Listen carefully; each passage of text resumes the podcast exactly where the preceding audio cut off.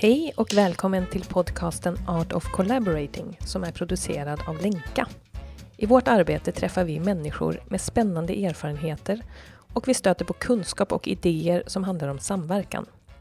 Vår förhoppning är att vi ska kunna skapa länkar mellan dem och dig som lyssnar och på så sätt bidra till att vi tillsammans fördjupar vår förståelse för samverkan och vad som krävs för att stärka våra samverkansförmågor.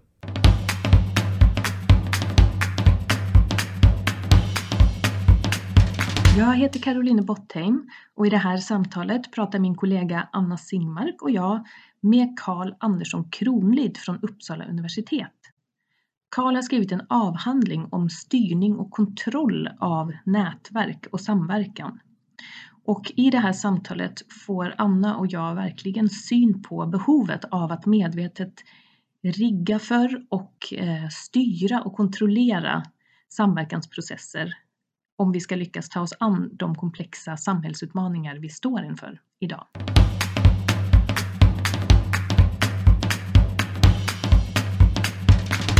Vad roligt att vi sitter här. Karl Kronlid, det ser ut som att du heter Karl Andersson Kronlid på din yes. och eh, Anna Singmark och jag Caroline Bottem och vi sitter här och ska ha ett jättespännande samtal. Och det här är ju något som vi gör på Länka att vi eh, vill bjuda in till samtal med experter och eh, då tänker vi att du Karl är en sån expert som har mm. forskat på ett ämne som vi tänker är jätteintressant eh, utifrån att vi är så nördiga, intresserade av hur vi tar oss an våra komplexa frågor idag som känns väldigt angeläget och att det finns liksom olika perspektiv på det. Ja, och det är ju jättekul att ha dig här som sagt Karl. Och du har ju skrivit en avhandling, mm. eh, Engineered Temporary Networks. Hur kan man översätta det till svenska? Ja, alltså det här med engineered eh, syftar då till att eh, nätverken är eh, skapade med en tanke bakom det. Eh, många nätverk är ju mer organiska och bara växer fram men mm. eh, den här typen som jag kollar på har man då eh, bestämt hur nätverket ska se ut mer eller mindre. Och temporary menar ju då att det, är, eh, det finns en, en deadline när, när det här nätverket inte ska finnas längre. Just det. Och det är intressant där också att du tar upp effekter av kontroll och att nätverket är temporärt. Och det var ju just det, jag tror jag läste om din avhandling på LinkedIn och tyckte att den lät så intressant också kopplat till det här med jag tror det var ordet kontroll som jag mm. Eh, också fastnade lite grann för. För det är någonting som vi kanske inte eh, har pratat så mycket om, även om vi länge har utforskat samverkan. Eh, så det är ju väldigt intressant. Men bara innan vi börjar samtalet, är det någonting mer som du tycker är viktigt att våra lyssnare känner till om dig? Ja, jag kan ju ta och berätta lite om min bakgrund. Jag har då doktorerat på Uppsala universitet, avdelningen för industriell teknik. Eh, ibland brukar vi lägga till management där bak också. För att det är eh, mycket det vi håller på med. Eh, innan det, jag är eh, byggingenjör i grunden. Eh, sen har jag en master i, som heter industriell ledning och innovation. Eh, som fick mig in då på det här forskningsspåret. Eh, min avhandling handlar ju om liksom, kontexten är ju antibiotikautveckling och har tidigare varit i ett projekt som eh, också hade med att eh, försöka få någon ordning på antibiotikaresistensproblemet eh, som av många anses som en av de största hoten mot mänsklig hälsa. Mm. Just nu. Och jag tror att man kan lättare dra paralleller eh, i den situation vi är nu med en, en pandemi. Eh, och mm. förstå mm. de, de, stora riskerna som, som finns när man inte kan behandla vissa sjukdomar. Mm, du sa ju nu innan vi började spela in att du hade först börjat plugga till socionom för att du ville mm. rädda världen. Och, och, så sa du något och så sa vi så här, ah, varför spelar vi inte in det här? Men, men, och sen sa du att nu har du liksom hamnat i det lite igen, att, mm. att du känner att du kan bidra vill du berätta något om det eller liksom din drivkraft i det här? Eller vad som... alltså jag, jag tycker ju att eh, jag har alltid haft en, en vilja att i alla fall att världen kanske ska bli lite bättre med tiden och att man gör någonting åt det. Mm. Eh, Så det är ju såklart en motivation för mig. Eh, Jag tror jag hade en ganska smal idé när jag var yngre eh, om vad som gör världen bättre och den har ju såklart blivit bredare nu då. Mm. Eh, Förstått att eh, bara att betala skatt och att skapa arbetstillfällen är en, en stor del i att göra det bra i samhället. Mm. Eh, Till exempel. Men eh, det kanske kommer fram mer under vårt samtal. eh, Ja. viljan att göra gott. Ja, men en annan sak som jag bara tänkte på bara så här, till din person, det var i inledningen eller förordet eller vad man nu säger till din avhandling så skrev du Mm. något tack till din familj typ för att ni har stått ut med att jag inte har kunnat förklara riktigt vad jag håller på med. Och det tycker jag är lite roligt för det, det är liksom ehm, hur, hur har det gått? Har de Ja, förstått nu eller? nu, jag tror att eh, speciellt efter försvaret, eh, min, min opponent eh, var väldigt duktig på att förklara vad det var jag hade gjort. Det, det sa många eh, efteråt att ah, men nu, nu förstår jag vad det är mer, alltså vad du har gjort. Ja. Eh, Men det där tror jag också är eh, det som, det som blev avhandlingen. Det var ju inte det som jag, eller jag visste inte att det skulle bli det här när jag började. Mhm. Det är ju en, en resa som många eh, skriver i sitt förord och eh, den ändras ju eh, titt som tätt. Och att sen liksom försöka eh, koka ner vad man håller på med till några enkla rader, alltså typ en hisspitch eller något sånt där. Mm. Eh, Det är ingenting som vi övar så mycket på och det är väldigt svårt. Eh, Ja. Jag har märkt varenda gång någon har frågat Mm. så har de fått lite olika svar. Mm. Jag tänker att vi känner ju igen oss ganska mycket för att vi håller på också med sådana frågor som är lite svårt att säga. Vad är det för någonting egentligen vi gör? Och eh, när det är komplext och eh, man liksom, ja, och mångsidigt så är det lite svårt att ta det ner i en mening. Eh, så det, men det är inte, jag tyckte det var intressant det du sa att, att det blev tydligare för dig när du, när din, oppo, att din opponent var bättre på att säga det. Liksom. För det är också, alltså, då är vi lite inne på det här med betydelsen av samtalet som vi Mm. tror väldigt mycket på. För att vi tänker ju att du eh, är en forskare på riktigt. Du har ju forskat, du är i den världen liksom. Mm. Och, ehm, och vi är i en praktisk värld väldigt mycket. Och ehm, när vi ska ha ett samtal, vi tror ju mycket på de här, att vi kan lära oss mycket av ett samtal tillsammans. Mm. Eh, För att vi kan kanske också hjälpas åt faktiskt att få syn på saker Mm. som vi kan bli blinda för eller ha svårt för att se annars.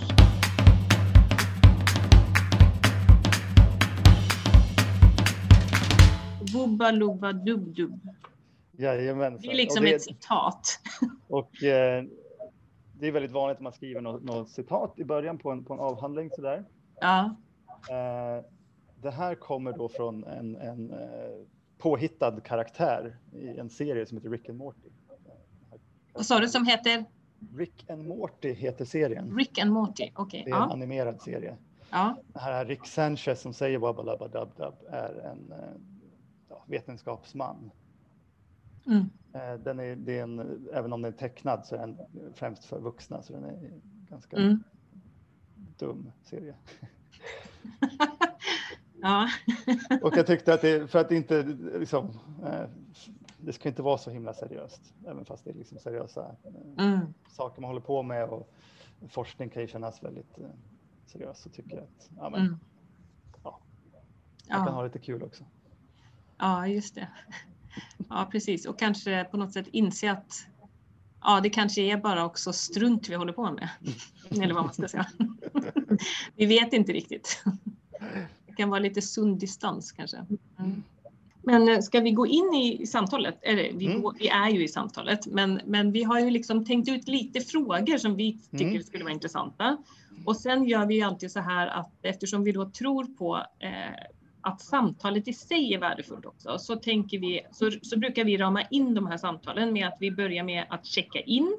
Och då är det liksom på, på frågan att alla bara säger någonting om, om vad, vad är du nyfiken på inför det här samtalet. Mm. Och sen så har vi då några, så går vi in i liksom temat och sen så gör vi kanske en timeout och bara för att se, är det något vi har missat att prata om? Mm. Och sen så gör vi en checkout som, mm. där vi pratar om vad tar vi med oss från det här samtalet också. Så. Mm. Bara så du vet. Och, mm. Eh, och där känner jag igen, jag har ju läst er, bok. Ja, det var ju jättekul att du hade gjort det faktiskt. För då har du också lite känsla för vår Wabba-dabba-dab-dab eller vad det är. Ja. ja men vad här, det är väldigt kul, jätteroligt. Mm. Då tar vi och, eh, och gör en check-in. Mm. Så om vi börjar med eh, vad, vad är vi nyfikna på? Nu, nu ställer jag frågan först till dig Anna.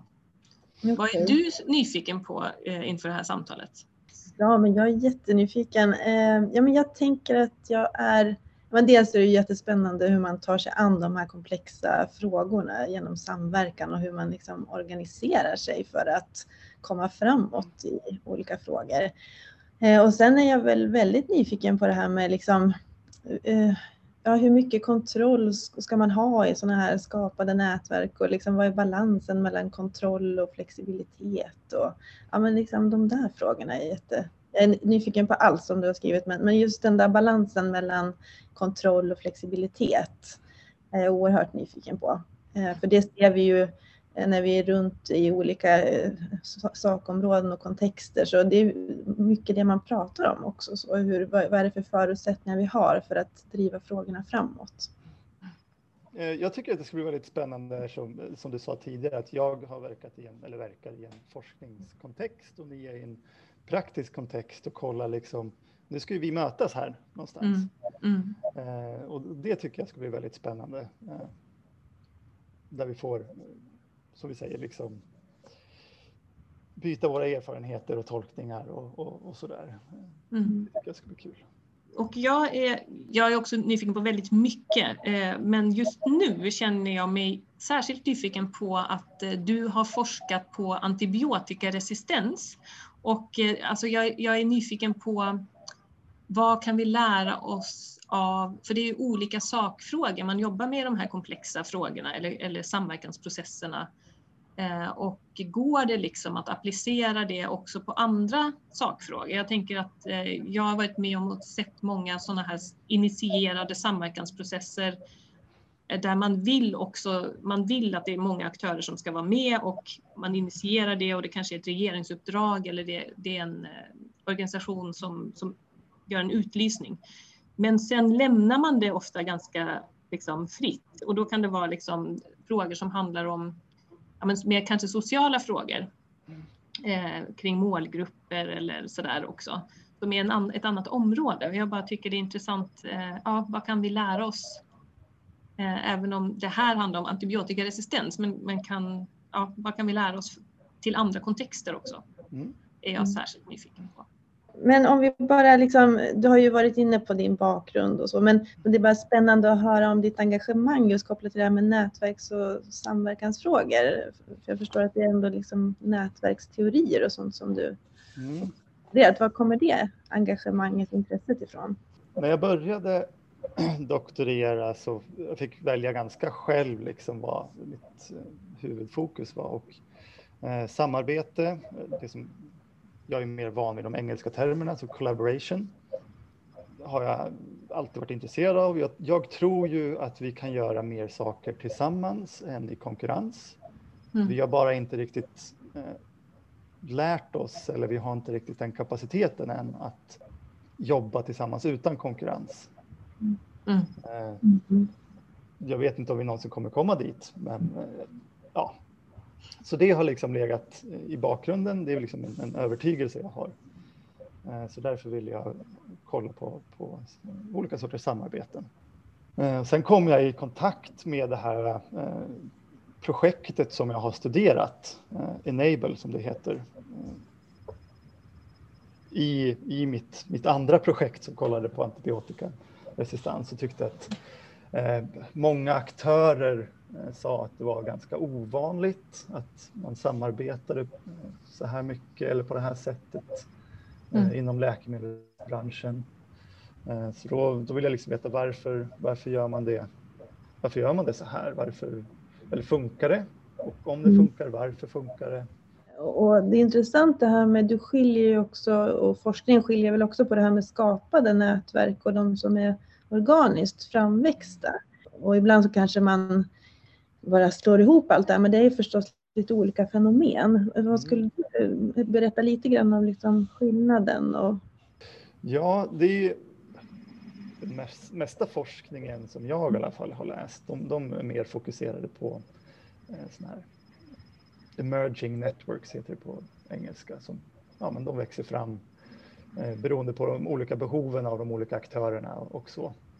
Eh, sådana här engineered networks är mer vanliga när det eh, till exempel att marknadskrafter inte själva eh, är så pass starka att eh, de, ett visst problem försöker lösas.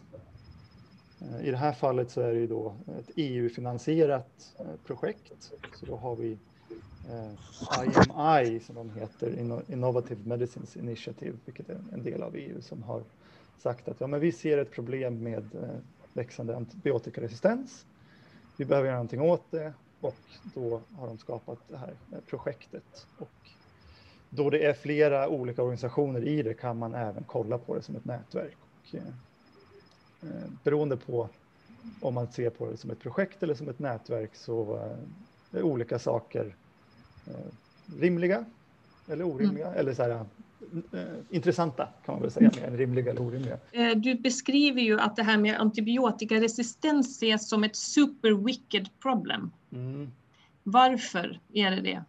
All, liksom, all användning av antibiotika kommer leda till resistens.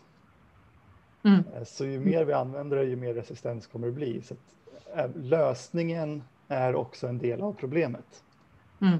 Det mm. betyder att vi, som det ser ut nu, eh, så kan vi liksom inte få en, en, en, en, lösning som tar bort problemet, utan vi måste hela tiden jobba eh, med det.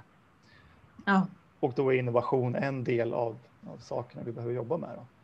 Mm. Eh, sen vet man ju aldrig. Det kanske kommer någonting framöver som, som löser det här, men som det ser ut nu så vet man inte hur det skulle vara.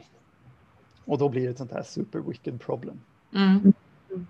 Är det något mer som, nu tänker jag när jag hör super wicked problem så tänker jag också att det, det är väl kanske också då det ingår i det att så många olika aktörer och sfärer är inblandade på något sätt. För det är ju mm. många som, som använder antibiotika också. Eller det är inte bara liksom de som tar fram det. Och sen... En annan del av äh, definitionen av super wicked problem är ju att det finns ingen ingen, liksom, inte en aktör eller liksom stat eller någonting som, som har ansvaret för frågan, utan ansvaret är liksom på alla. Just det. Mer eller mindre. Och det blir också svårare då kanske att mobilisera eller att bestämma hur vi ska lösa problemet när det, mm. när det inte finns någon som kan själv mm. ta Just det. den positionen. Och då blir det en, att då får liksom kanske sådana, alltså statliga institutioner en, en viktig roll i det, skulle man ju kunna tänka. Ja, och sen tror jag till exempel som EU som är någon, vad ska man säga, supranationell, jag vet inte, jag kommer inte ihåg vad, vad uttrycket är, men en, en sån aktör har ju kanske möjligheten då också att göra det på ett annat sätt än, än individuella stater. Mm. Ja. Eh, så jag tycker att det är bra att de, att de eh, fokuserar på det här. Det är, det är intressant det där tycker jag, apropå att vi står inför de här problemen som, som man då känner så här, åh herregud, alltså när man på riktigt tittar på det, nu liksom nuddar ju vi bara det här, här, men jag tänker om man skulle veckla ut det du beskriver, att det är ett superviktigt problem och varför, så är det ju väldigt lätt att bli, känna sig lite handlingsförlamad inför det och liksom mm. inte veta någonting. Och då, då är det ju också intressant vem i, som du säger, det är, ingen e, det är inte självklart vem som är ansvarig för det här. Och då blir det liksom så viktigt, någon måste ju ta sin roll. Eller det, det är mm. intressant, vem kliver fram och tar den rollen? Mm. Och här har vi ju haft en, en eh, ett skifte just för antibiotikautveckling där många av de här absolut största läkemedelsföretagen inte ser ekonomi i det och mm. har då slutat att utveckla antibiotika. Och då faller det ju mer till exempel på universitet och mindre företag, biotechföretag bland mm. annat. att försöka ta upp det där. Mm. Mm. Eh, så, som, så som det ser ut idag.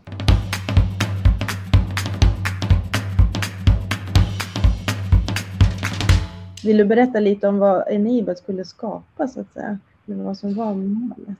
Ja, Enable är, var då ett eh, sexårigt projekt från början och de hade väl eh, de hade flera mål, men, men man, om man ska koka ner det så skulle de utveckla antibiotika på ganska tidigt stadium. Inte de absolut tidigaste stadien, men eh, någon så här mellan. Eh, om man, om man, man kan förenklat säga att eh, läkemedelsutveckling har med att man ska försöka hitta någonting som kan vara ett läkemedel. Sen optimerar man det och då kan man eller kan man inte också inkludera de här kliniska eh, stadierna. Och sen är det marknadsföring. Så de är under den här optimeringsfasen eh, och då vill de som eh, slutmål liksom ha eh, minst en eh, av de här programmen som de kallas som ska gå in i den första kliniska fasen. Det var liksom huvudmålet. Mm. Och ni lyckades, eller ni säger jag, men projektet. ja, det är väl, alltså projektet ska väl, eh, tror jag, sluta nu om två veckor ungefär. Första mm. februari ska det vara slut. De fick en mm. liten förlängning på ett år. Men de hade kommit in i, i eh, första kliniska fasen. Mm. När jag slutade liksom, mm. kolla på det så. Eh, så från det, på så sätt så var det ju lyckat. Mm. Ja, och du har ju då utvecklat, eller du har ju tittat på det här och eh, också utvecklat en modell egentligen som visar på hur det lyckades. Eller hur? Eller liksom som man kanske kan dra lärdomar av. Ja och nej skulle jag säga. Eh, för jag har egentligen inte varit intresserad om de har lyckats eller inte. Och det här blir ju så här, forskningsmässigt så vill man ju mer bara det här är ett problem och nu förklarar jag problemet. Om, om det löstes eller inte, det är man inte alltid lika eh, intresserad av rent akademiskt. Mm. Eh, så jag har ju mer kollat på vad, vad händer när man har till exempel kontroll i ett nätverk. Eh, och då kan man ju eh, säga att jo, men den här gången så funkade det att få, eh, menar, att komma till målet men man kanske inte vet att om man, om man försöker göra det här igen, då kanske ingen av de här vill vara med. Då var det ju misslyckat från ett annat perspektiv. Mm. Så det är också svårt, att, beroende på vad man funderar på om det var lyckat eller inte, så kan man få olika svar. Ja, det var jätteintressant att du sa det där nu att du inte är så intresserad av det, för då, då tänkte jag direkt så här, ja, det är ju det vi är jätteintresserade av. Vi är ju jätteintresserade av modeller och vad kan vi lära oss av det här och hur kan man applicera det liksom. Mm. Eh, och, eh, och, och, det bara slog mig nu när du sa det att jag har nog läst din, de här texterna ut med de glasögonen. Så jag har liksom mm. läst det som att du var intresserad av det. Så det var lite kul att du sa det nu. Och det här är ju det, det som är så intressant som jag sa innan också. Att nu, nu får jag en syn på den här från ett mer praktiskt håll. Mm.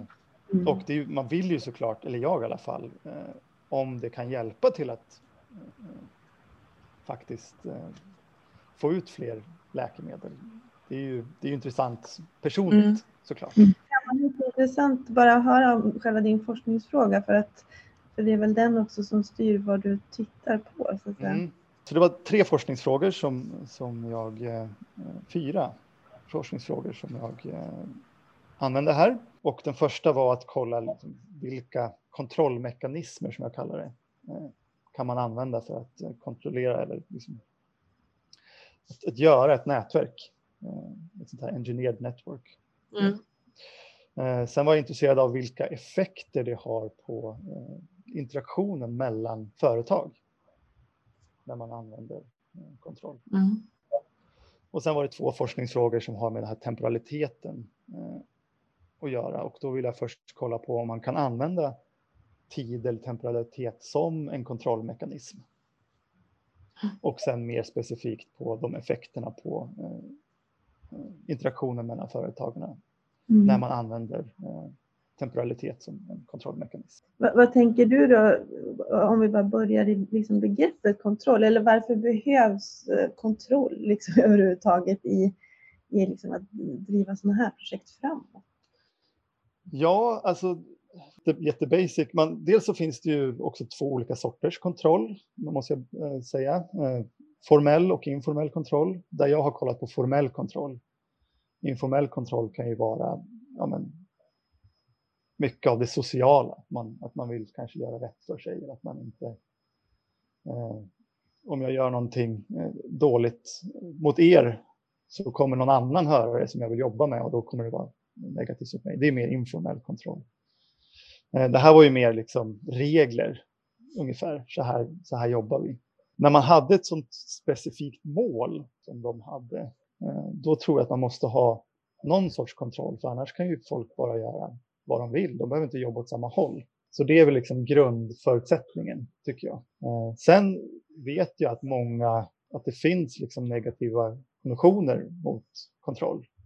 Man mm. tänker kontroll som något negativt och där tror jag man kan vara mer nyanserad, att det beror på vad vi kontrollerar, vilket jag också försöker lyfta upp då i mm. avhandlingen. Ja, just det, det är så lätt att säga liksom att nej, men kontroll eh, är någonting negativt och det hämmar oss och sådär, men att det finns olika typer om jag förstår det rätt mm. och kan vara gynnsamma. Mm. För man brukar ju ofta känna att men, kontroll kanske hämmar kreativitet speciellt. Men man kanske kan kontrollera för att vi ska kunna vara kreativa. En, en kontroll kan ju vara att vi ska inte ha så mycket regler. Det är vår regel. Mm. Mm. Jag tycker man kan nog... Eh, det kan nog bli bra om man tänker liksom ett steg extra kring mm. just vad, vad menas med kontroll. Och så. Ja, men det är ju intressant, för jag fick själv liksom en lite nyanserad syn på kontroll när jag läste mm. avhandlingen. Det är precis som jag också har gått in lite så förenklat och tänkt på mm. kontroll. Kanske, åh nej, liksom kontroll, det är väl inget mm. kul med kontroll. Liksom. Men, men, samtidigt så såg jag liksom värdet av det också i den här läkemedelsutvecklingen och, och de här olika formerna av kontroll som du nämner. Du, du, du pratar om olika kontrollmekanismer, vill du bara mm. berätta lite så här, vad, kan det vara för någonting som man använder? Liksom?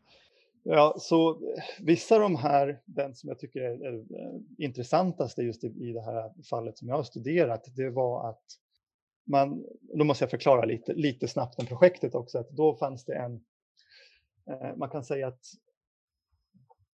det fanns en kärna i projektet och de hade kunskap att utveckla läkemedel och sen kunde aktörer, alltså oftast organisationer utifrån, eh, ansöka och vara med i det här Enable-projektet med sina molekyler, alltså potentiella eh, läkemedel. Och då fick man eh, använda den här kärndelen och försöka utveckla sitt, sitt läkemedel. Men var tredje månad så, så tog man och kollade på har vi, har vi kommit någonstans i det här utvecklingsarbetet? Och om man tyckte att vi hade kommit någonstans, ja då får man fortsätta. Har man inte kommit så långt som man hade önskat, ja men då, då fick man inte fortsätta längre. Mm. Det här var ju då också en, en, ett sätt att använda temporalitet eh, för att kontrollera att man i princip inte spenderade massa pengar på någonting som inte hade eh, en, en hög chans att lyckas.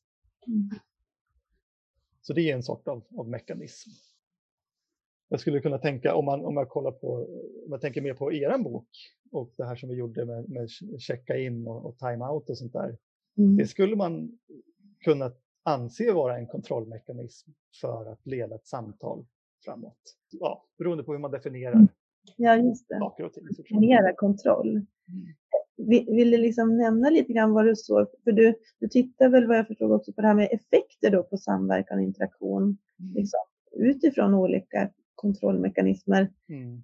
Vad såg du liksom främjar då samverkan och interaktion? Liksom? Mm. Det är ju lite spännande. När är det positivt att säga, med mm. kontroll? Mm. När, kom, när börjar vi integrera våra kunskaper? När kommer vi framåt? Liksom när, och en sak som i, i det här eh, Enable-projektet igen som jag tyckte var spännande just från ett eh, interorganisatoriskt perspektiv eh, var deras finansieringsmodell. De som hade de här molekylerna mer eller mindre bestämde vad som skulle göras, vilka experiment skulle göras och sådär. Och då hade de andra organisationer i projektet som de kunde då säga, men nu ska vi göra det här experimentet till företag A, det här experimentet till företag B och så vidare. Och företag A och B, de, de fick liksom inte, eh, vad heter reimbursement heter det på engelska. Mm. De fick inte betalt för arbetet, eller något arbete om de inte gjorde det som, som de blev tillfrågade att göra. Mm. Så det liksom, jag ska inte säga tvingade, men, men det verkligen motiverade de här olika organisationerna att jobba tillsammans mot ett mål. Mm. Mm. Så det var ju ett sätt att få till samverkan. Mm. Som mm. Eh, verkar fun ha fungerat eh, i det här projektet i alla fall. Det är intressant det här med, och det, det, tror jag du pratade om kopplat till det här med skapade nätverket, liksom nätverk som växer fram, det här med tillit. Liksom att mm. kontroll då i vissa fall kan liksom ersätta tillit eller vill du utveckla det? Ja, tillit är en sån här sak som eh, dels ofta tar tid. Eh, om vi, nu pratar vi tillit mellan organisationer, och, men det är säkert lite liknande mellan människor. Att det, tar, det tar tid eh, att veta hur mycket man kan lita på en annan organisation att kanske göra det. Dels vad de kan, vi litar på, på kunskapen, men också att de inte är opportunistiska och kanske stjäl vår, vår IP eller något sånt där. Mm. mm. Men i ett sånt här projekt som är, det är väldigt kort tid, det, var, det blev sju år eh, till slut, men de vill ju kunna jobba effektivt väldigt snabbt. Eh, och då behöver man ju någonting som skapar eh, förutsägbarhet, kan man väl säga. Tillit kan vara ett sätt att tänka på att jo, men de här kommer agera ungefär så här. Vi litar på att de gör det. Och här har vi då kontrollmekanismer eller regler hur man ska arbeta som gör att ja, men de här andra aktörerna kommer eh, agera ungefär så här. Mm. Eh, så på så sätt tror jag att det kanske eh, kan vara som ett, ett supplement när tillit inte finns. Mm. Jag tycker det är intressant det där med begreppet kontroll som du var inne på och för det, det är så himla intressant att man associerar alltid någonting till ett begrepp och att det kanske, jag kan tänka mig att många associerar något negativt med just kontroll av någon anledning. Som du sa också, det är något annat än kreat eller det kanske hämmar kreativitet. Mm. Och samtidigt eh, så är det ju det där att, eller man kan säga det på andra, nu sa du förutsägbarhet också och det är mm. också eh, en del av kontroll då skulle man kunna säga. För jag tänker att så, det, det ser ju vi ett väldigt stort värde i att ha en, en eh, gemensam bild av hur ser den här processen ut, hur, vad har vi för spelregler och det här som du sa också att styra upp ett samtal egentligen. Alltså mm. någon tar ett ansvar eller tar kontroll egentligen då om man säger så över samtalet mm. eller samtalets form. Och det är ju faktiskt väldigt intressant liksom när, när man börjar um, vad ska man säga, ja, att, att, eh, att det begreppet inte bara är negativt. Det är så lätt att man liksom bara ja, bortser från ett sådant begrepp för att man är lite rädd för det eller man inte riktigt, ja, det är någonting man, som skaver i det begreppet. Liksom. Mm. Oerhört intressant. Och det är ju någonstans oerhört intressant också, alltså om man tänker att vissa frågor kanske kräver liksom att man får ihop verkligen samverkan och sätter mål och försöker få en progress. Alltså, man kanske inte kan vara, det kan ju vara olika för olika frågeställningar bara, om jag tänker också där. Det är väldigt spännande här att det verkar ju som för att driva den här läkemedelsutvecklingen framåt så, så kanske det krävs då vissa kontrollmekanismer. Alltså att, ja, det, det jag tänker bara så att olika frågor kanske kräver olika kontrollmekanismer. Eller? Jo, men precis. Mm. Eh, och det är ju en, en, en, slutsats, eller någonting som jag försöker säga här i också att eh, jag försöker ju då kategorisera olika sorters kontrollmekanismer. Eh, till exempel eh, koordinering. De fanns några mekanismer som hjälpte med koordinering. Eh, det var några mekanismer som hjälpte med eh, cooperation är det engelska ordet som mm. kanske är mer det är alltid lite svårt att och över, översätta de här. Eh, collaboration och cooperation är ganska lika varann mm. om man tänker på svenska orden. Men kan det vara att cooperation är samarbete och eh, collaboration är samverkan? Eller är det svår, är det, är det, går det inte att säga så? Det lite både och, tror jag. Mm. Jag har en, mm. en kollega eh, skrev en avhandling just om, om är collaboration samverkan. Mm, just det. Han skrev en avhandling om det? Ja. Det var ju väldigt, det måste du prata med den personen. Mm. Men, eh, men, men ja, så det, mm. det är liksom sam, det beror ju på också såklart vad man, sin egen erfarenhet med orden. Eh, ja. Man tycker, jag, jag som kanske är mer så här, väldigt inne på definitioner och, och olika definitioner lyfter fram olika saker, då blir det kanske svårare för mig att säga att två ord är, samma sak när det inte är samma ord. Nej, precis. Eh, men de handlar ju om snarlika saker i alla fall. Ja, men det där är också en sån där himla intressant sak tycker jag, för då tänker jag igen att det är en skillnad mellan praktik och forskning möjligtvis, mm. det är en hypotes. Men att det liksom inom, för att utforska någonting eller forska på något så är det ju viktigt med definitioner. Det är ju jätteviktigt att eh, särskilja och liksom vara tydlig med vad man fokuserar på och vad, vad ett begrepp betyder och så. Mm. Men i praktiken så är det ju till exempel så, för vi brukar ju då, eh, vi pratar ibland om tolkningssammanträde, att man behöver ha ett tolkningssammanträde, att man behöver prata om, okej, okay, hur tolkar du eh, collaboration, hur tolkar du det? Så att man liksom enas då om hur ska vi tolka det i det här sammanhanget mm. tillsammans. Och det är ju, för då, det är ju det den praktiska delen av det. Och då, och då spelar det ingen roll om man säger cooperation eller collaboration, för då är det det man lägger i begreppet som är det viktiga. Precis. Och att man är samordnad i det. Liksom. Mm. Och sen är det jättesvårt ändå. Man, det, tycker jag, eh, man, man, tror att man pratar om samma saker fast man, alltså man har jobbat fram en så här, men det här, det här menar vi med collaboration mm. när vi jobbar ihop. Ja. Men så är det kanske inte helt samma sen. Man, man kommer till någon sorts brytpunkt där, där man märker att nej, men det var inte riktigt samförstånd här och vi kanske måste prata om det igen. Och, och ja, precis. Ja,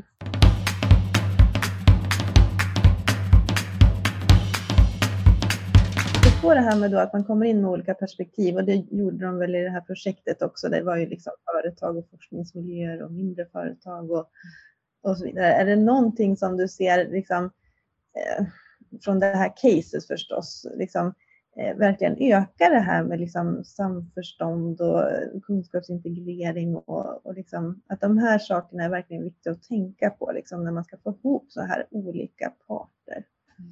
Alltså samförstånd kan jag inte riktigt uttala mig om, men kunskapsintegrering tycker jag absolut att det blev i, i det här eh, projektet. Mycket på grund av det jag nämnde tidigare, att eh, uppgifter liksom delas ut och man man får ersättning eh, när man utför de där uppgifterna.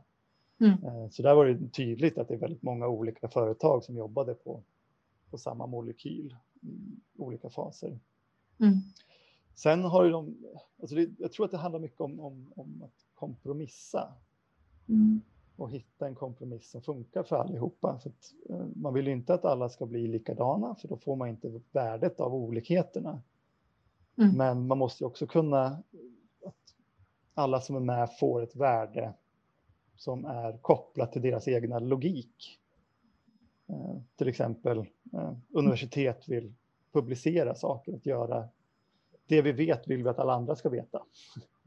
Det vill inte företag. Och där, har vi, där måste man ju få till en kompromiss.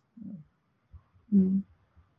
Och så gissar jag att det är i många, eh, eller liksom nästan alla samverkans projekt eller liksom processer. Mm. Att, eh, även organisationer som har liknande logik, alltså två företag kanske, mm. de kommer också behöva kompromissa. Mm.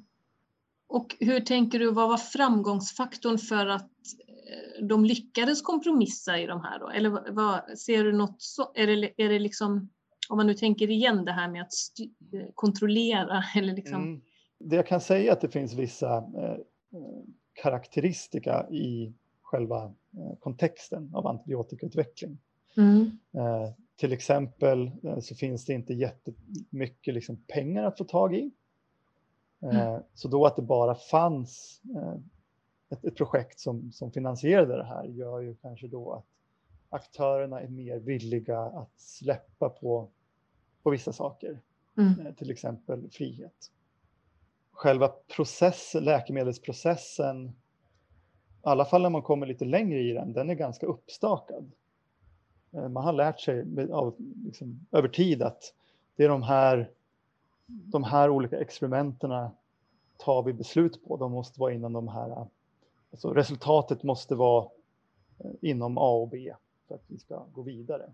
Mm. Och det är nog lättare att kontrollera en sån process än när du inte riktigt vet någonting alls. Mm.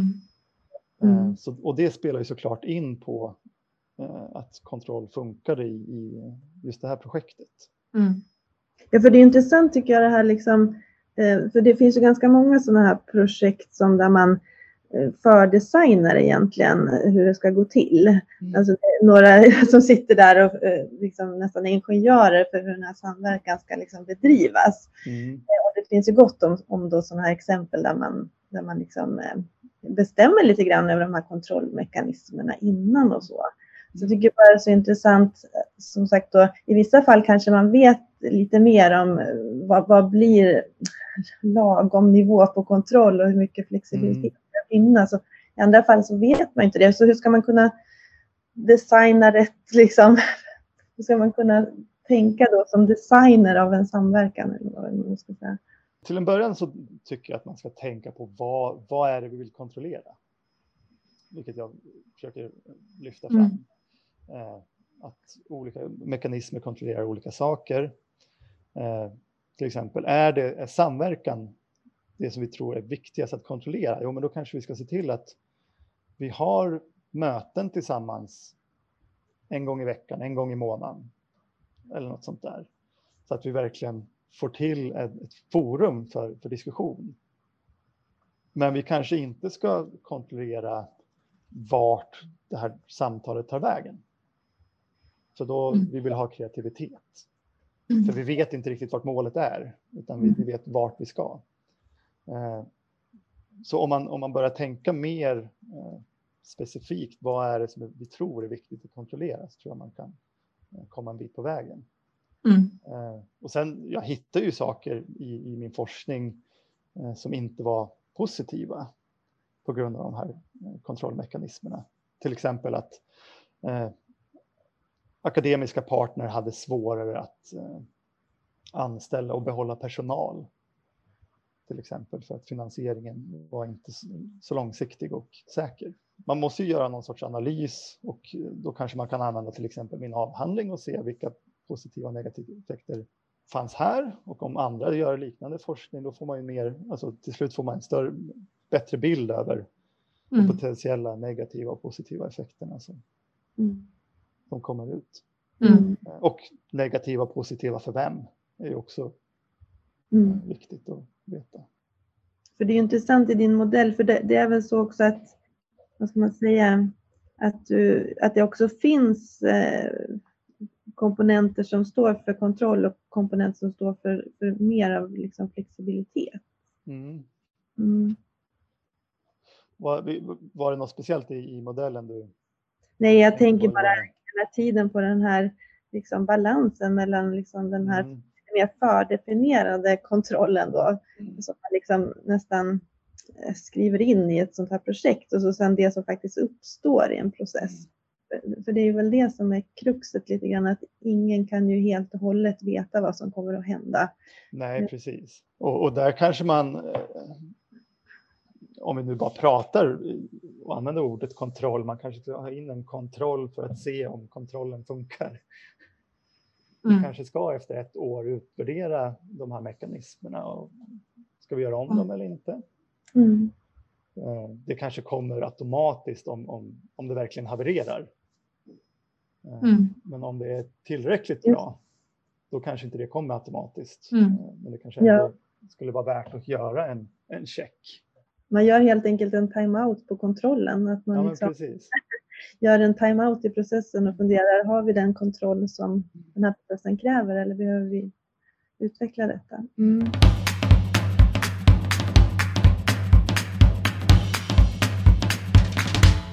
Jag tänkte på, apropå timeout, ska vi bara göra en kort timeout i det här samtalet? Och, eh, vi har ju pratat ett tag nu, men liksom, är det någonting mer som vi skulle vilja eh, prata om? Eh, pratar vi om rätt saker nu eller skulle vi vilja fördjupa oss i något innan vi går mot en avrundning? Eh, jag, jag tycker att det är, är, bra. Jag tycker att det är kul att prata om det jag gjort. Så jag, jag, jag, vet inte om jag kan komma med någon input här. Caroline, vad tänker du? Jag eh, tänker kanske lite komma in ännu mer eftersom eh, jag ju ändå är en praktikernörd med alla risker vad det innebär rent mm. forskningsmässigt. så så eh, ja, men lite så här, kanske prata lite om så här, vad, vad, vad, kan det betyda för praktiken? Och jag är mm. också lite nyfiken på det här med hur, eh, hur ser du på det? Liksom? Hur kan man integrera sån här forskning med praktiska situationer? För vi, eftersom vi är i det så ser vi ju att det, mm. det finns så mycket eller det skapar så mycket värde ofta med att komma in med olika pers nya perspektiv, nya tankar. Och det tycker jag mm. skulle vara kul innan vi avrundar. Du då, mm. Anna? Ja, men verkligen. Det tycker jag också skulle vara jättekul. Och så sen också, ja men eh, kanske någon mer så fråga kring de här då super wicked issues. Liksom.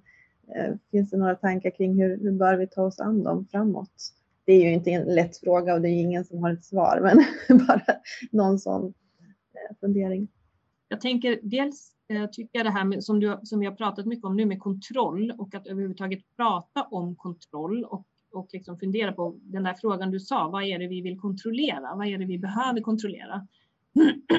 den tycker jag eh, är väldigt praktisk användbar. Mm. Och sen vill jag bara säga det att när jag också tittar i din avhandling så du har ju skrivit, du beskriver ju en modell där du liksom utgår ifrån en, eh, du kallar det för triggering entity tror jag. Alltså mm. att någon, någon behöver liksom sätta igång och initiera någonting. Mm. Och sen eh, då ta fram liksom olika då, de här kontrollmekanismerna för att styra mot eh, ett nätverkande och liksom mellanorganisatorisk interaktivitet. Eller mm. så.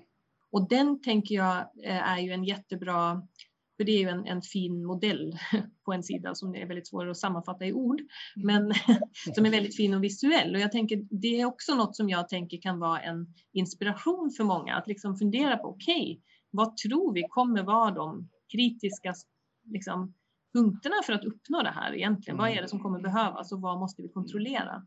Eh, men jag tänker också att du har gjort en, du har beskrivit ganska tydligt de olika rollerna i det här projektet också. Att det fanns liksom ett, eh, nu kommer jag inte ihåg exakt namnet, men det fanns någon management office, coordination management office. Alltså du, du har liksom beskrivit eh, och då också med väldigt tydliga ansvarsområden för dem. Mm. Och det tänker jag också är en del som jag vet att många av våra, de som går våra kurser efterfrågar, eller vi hör det ofta så här, hur ska vi vara tydliga med ansvaret liksom, och vem mm. tar vilket ansvar och så där.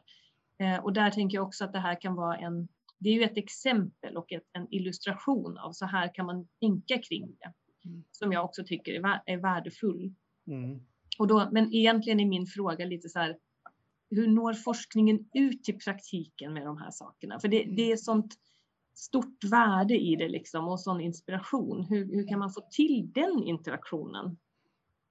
Den, den, är ju, den är ju många forskare ganska dåliga på. Eh, tycker jag. Eh, vi har ju den här eh, tredje uppgiften som man pratar om, att hur, hur får vi forskningsresultaten ut i samhället och så att det gör någon skillnad. Mm. Och då är till exempel sådana här samtal jättebra tycker jag. Mm. Och man kan ju försöka ja, dels samarbeta mer, samverka mer. Men jag tror att just för att få ut det här mer i, i samhället, organisationer och liknande så det behöver ju finnas en, ett intresse hos forskaren framför allt. Det är jättebra om det kommer från båda hållen, men eh, mm. försöka ta kontakt med en forskare som är intresserad av det här, då, då händer ingenting. Men i det projektet som du nu har tittat på, mm. eh, kände du, kunde liksom din forskarinvolvering hjälpa till i projektet? Fanns det liksom en interaktion i det? Att Eh, det fanns det inte. Det är en metodologisk fråga. Mm. Eh, det finns någonting som kallas action research, om jag inte minns helt fel. Mm. Då är också en, en, en del av forskarens uppgift är att försöka förbättra en, en process eller något sånt där. Mm. Eh, något sånt har inte jag gjort. Däremot så, så kanske det är någonting som man skulle kunna göra i framtiden nu när man har den här kunskapen. Mm. Eh, men det beror också på vilken, vilken nivå vi pratar om eh, av, av det praktiska arbetet. Eh, Mm. Till exempel det som jag har gjort nu, det är ju mer kanske då på policynivå. När, Mm. man ska, när man ska designa ett producentnätverk. Mm. Eh, Eftersom det är den, mer den nivån jag har kollat på. Mm. Så där kanske jag skulle mer kunna hjälpa till med det praktiska. Mm. Men och sen vissa saker kan ju även också då eh, gå ner på lägre nivåer. Just det att man ska tänka på vad är det vi vill kontrollera? Jag tänkte lite nu så här eh, apropå triggering entity, alltså om man nu skulle tänka det här att eh, universiteten har liksom en samverkansuppgift, men, Mm. men kan de klara av det själva? Alltså att lägga det, alltså jag bara tänker så här, vem är det som ska vara triggering entity för att få ihop forskning och praktik? För att det, det om man nu ska tänka i kontroll och liksom Mm. att vi ändå måste styra det lite, eh, så skulle ju det vara, eh, ja, jag bara fick en sån eh, tanke nu att det är intressant att alltså, för, för vissa saker låter vi, eller i vissa frågor så tror vi på att det kommer lösa sig självt eller vi lägger det på någon och sen så kommer det lösa sig och det är inte säkert att det är den rätta lösningen. Liksom. Och jag tror ju triggering entity så här som, som jag har kollat på det. Eh, jag tror att det är väldigt viktigt att det är någon som, eh, eller det är väldigt viktigt, att det är någon som har möjlighet att mobilisera aktörer. Mm. Mm. Eh, och där tror jag till exempel att ha pengar för att till exempel finansiera det hela. Mm. Eh, speciellt om man eh, ska ha in eh, forskare. Mm. tror jag blir väldigt viktigt. Men just att man ska kunna mobilisera är liksom grundgrejen. Mm. Eh, Men det kan ju, beroende på vilket problem man vill, vill lösa, så har man ju till exempel, jag tycker, på ett sätt skulle man kunna prata om, om Greta Thunberg som en triggering entity som har lyckats mobilisera jättemånga Mm. för en viss fråga. Mm. Eh, utan massa finansiella medel, liksom, utan det är ett engagemang som hon har haft som Mm. har lyckats smitta av sig på väldigt många. Sen liksom får man ju se vad, vad eh, det kanske är. Hennes engagemang kanske gör att det kommer upp triggering entities som har möjlighet att mobilisera på ett annat sätt och, och, Mm. och finansiera och, och liknande. Mm.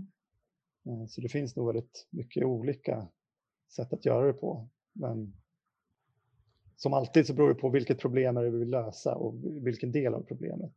Ja, precis. Och lite så här, det är ett bra exempel med Greta Thunberg tycker jag för att hon mobiliserar ju eh, väldigt mycket, vad ska man säga, personligt engagemang eller också många unga och sådär. Mm. Men när hon möter de här institutionerna och systemen, då, s- då blir det ju en, en krock eller vad man ska säga. Mm. Och då är återigen, liksom, vem är det som kliver fram och tar den rollen på den nivån som är en kanske mer policynivå eller liksom. Jag tycker det är intressant också idag att man, det finns ganska mycket finansiering i systemet också för att tvinga ihop samverkan eller vad man ska säga kring olika frågeställningar. Men jag tror, för, eller det här är bara en hypotes, att man inte alltid är medveten om vilka sådana här kontrollmekanismer man använder och vilken effekt det får. Eh, eh, Så jag tycker det är väldigt spännande liksom, det du lyfter överhuvudtaget för att jag menar, alla har väl en, en god intention av att här ska vi liksom skapa en samverkan som ska leda framåt. Men, men har vi liksom den ja, designkompetensen eller liksom förmågan att orkestrera det på ett sätt som gör att det kommer framåt. Mm. Ibland gör det det, ibland gör det inte. Men hur kan vi liksom lära oss tillsammans om vad som fungerar? Liksom? Det är säkert stor skillnad där också på, som jag nu kollar på, liksom, skapta nätverk. Eh, Man kan ju försöka attackera en, en, ett visst problem genom eh, ja, men en, en miljöskatt till exempel. Eh, Mm. Kommer den, kommer den leda till samverkan? Nej, kanske inte. Men om vi säger att eh, man får dra bort lite skatt om man har samar finansierar ett samarbete med eh, universitet, tar vi som exempel. Ja, men då kanske mm. det kommer hända. Men blir det då att jo, men vi har det här samarbetet, men vi båda gör precis vad vi vill. Så universitetet gör sin sak och den här organisationen gör sin sak. Och då får man inte heller riktigt samverkan, men på, på pappret så, så ser det ut som det. Mm. Eh, och där kommer ju då kanske kontroll in. Ja, vad spännande.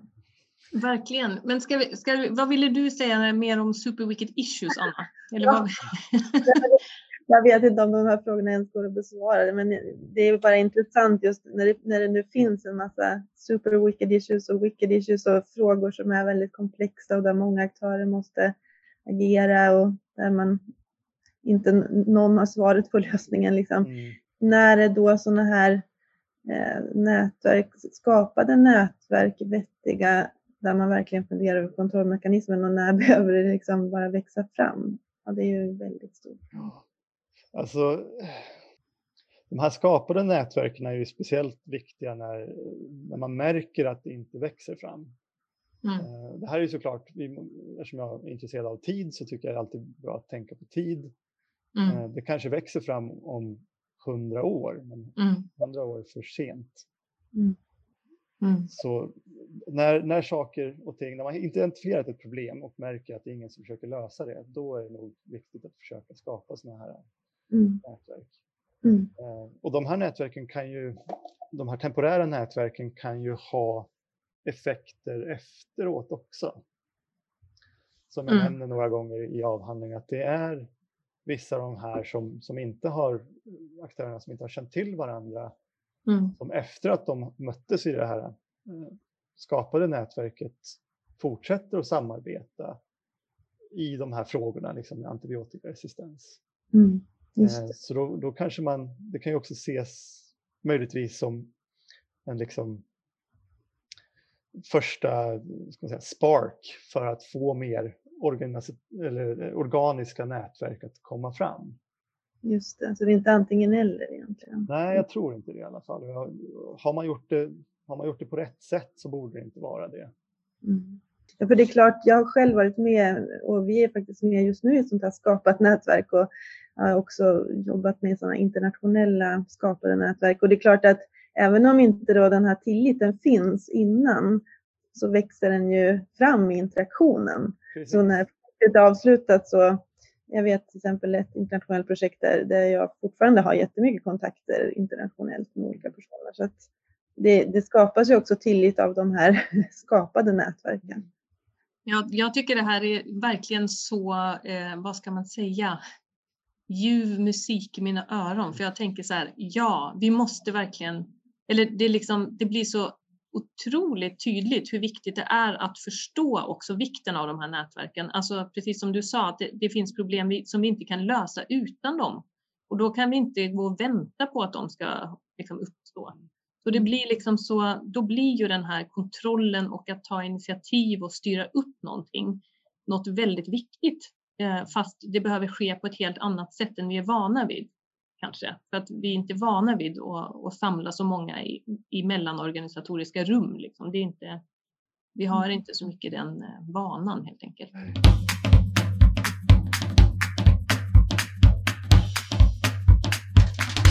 Eh, ska, ska vi checka ut? Jag känner att jag ville checka ut nu. Jag ville säga något som jag skulle kunna säga en check ut. Ska vi göra det eller? Eh, och då tänkte vi att eh, checka ut-frågan är ja men det är typ vad tar du med dig från det här samtalet? Eh, ska vi, vem vill börja? Jag kan börja. Eh, och jag måste, det, det jag framförallt tar med mig är ju att vi har haft ett samtal. Eh, att eh, vi möts här mellan, mellan forskning och, och praktik eh, på något sätt. Jag tycker det är jättekul att, att göra det och någonting som jag såklart vill, vill bli bättre på. Där har vi ju Emma Frans som är jätteduktig på att liksom nå ut till, till samhället som är forskare såklart. Mm. Så, så det tar jag absolut med mig. Eh, ja men samma sak. Jag tycker det är bara så himla kul att föra den här typen av samtal och, och använda tid till att utforska det här tillsammans. Ehm, och jag tror också att det behövs mycket mer sådana samtal mellan forskning och praktik. Eh, det finns så mycket klokskaper i båda världar. Mm. Och jag har också tagit med mig både av att ha läst din avhandling och det här samtalet, liksom en mycket mer nyanserad bild av kontroll. Det är precis som jag bara hade liksom ett par glasögon innan och har fått liksom fler eh, synvinklar i mina glasögon. Eller hur man ska säga. Alltså jag känner lite grann att, att eh, det har öppnat upp för mig nya tankar om kontroll. Eh, att det är liksom inte bra eller dåligt utan det är snarare kanske att fundera på vilka kontrollmekanismer kan vi liksom behöva här? Och att de ju faktiskt ska bidra till en utveckling och en kreativitet och en integrering av kunskap. Så det är liksom det är ju någonting positivt, tänker jag, att fundera över hur vi designar sådana här projekt. Ja, jag tar också med mig väldigt mycket eh, att det har varit jättekul att ha det här samtalet och att det är så intressant, eh, eller jag tar med mig att det var härligt att det finns forskning som liksom går på djupet med de här sakerna och att det liksom går att ha en dialog med forskning. Och att, eh, men också att jag tar verkligen, verkligen med mig att jag tror ännu mer på det kanske då efter det här samtalet och att jag tänker att eh, vi, vi, vi behöver ha många fler sådana här samtal och skapa de där broarna mellan praktiken och forskningen för att eh, Ja, verkligen. Jag tar också med mig det här med kontroll. Jag har verkligen fått en ny förståelse av kontroll och jag har fått sånt. Det var det jag ville säga, nämligen när jag ville skicka ut att, mm. att jag känner sånt hopp på något sätt. För att just det där med att ja, det finns faktiskt vägar framåt i de här komplexa frågorna. Det finns faktiskt och det är inte ens så ovant för oss att göra det egentligen. Men vi behöver liksom omfamna det här att göra både och, att både styra och släppa fritt och liksom våga sätta igång saker och testa det. Liksom. Det, det tar jag verkligen med mig. Och det, så jag fick jättemycket positiva positiv energi av din avhandling och av att prata med dig nu. Så att, eh, jätteroligt.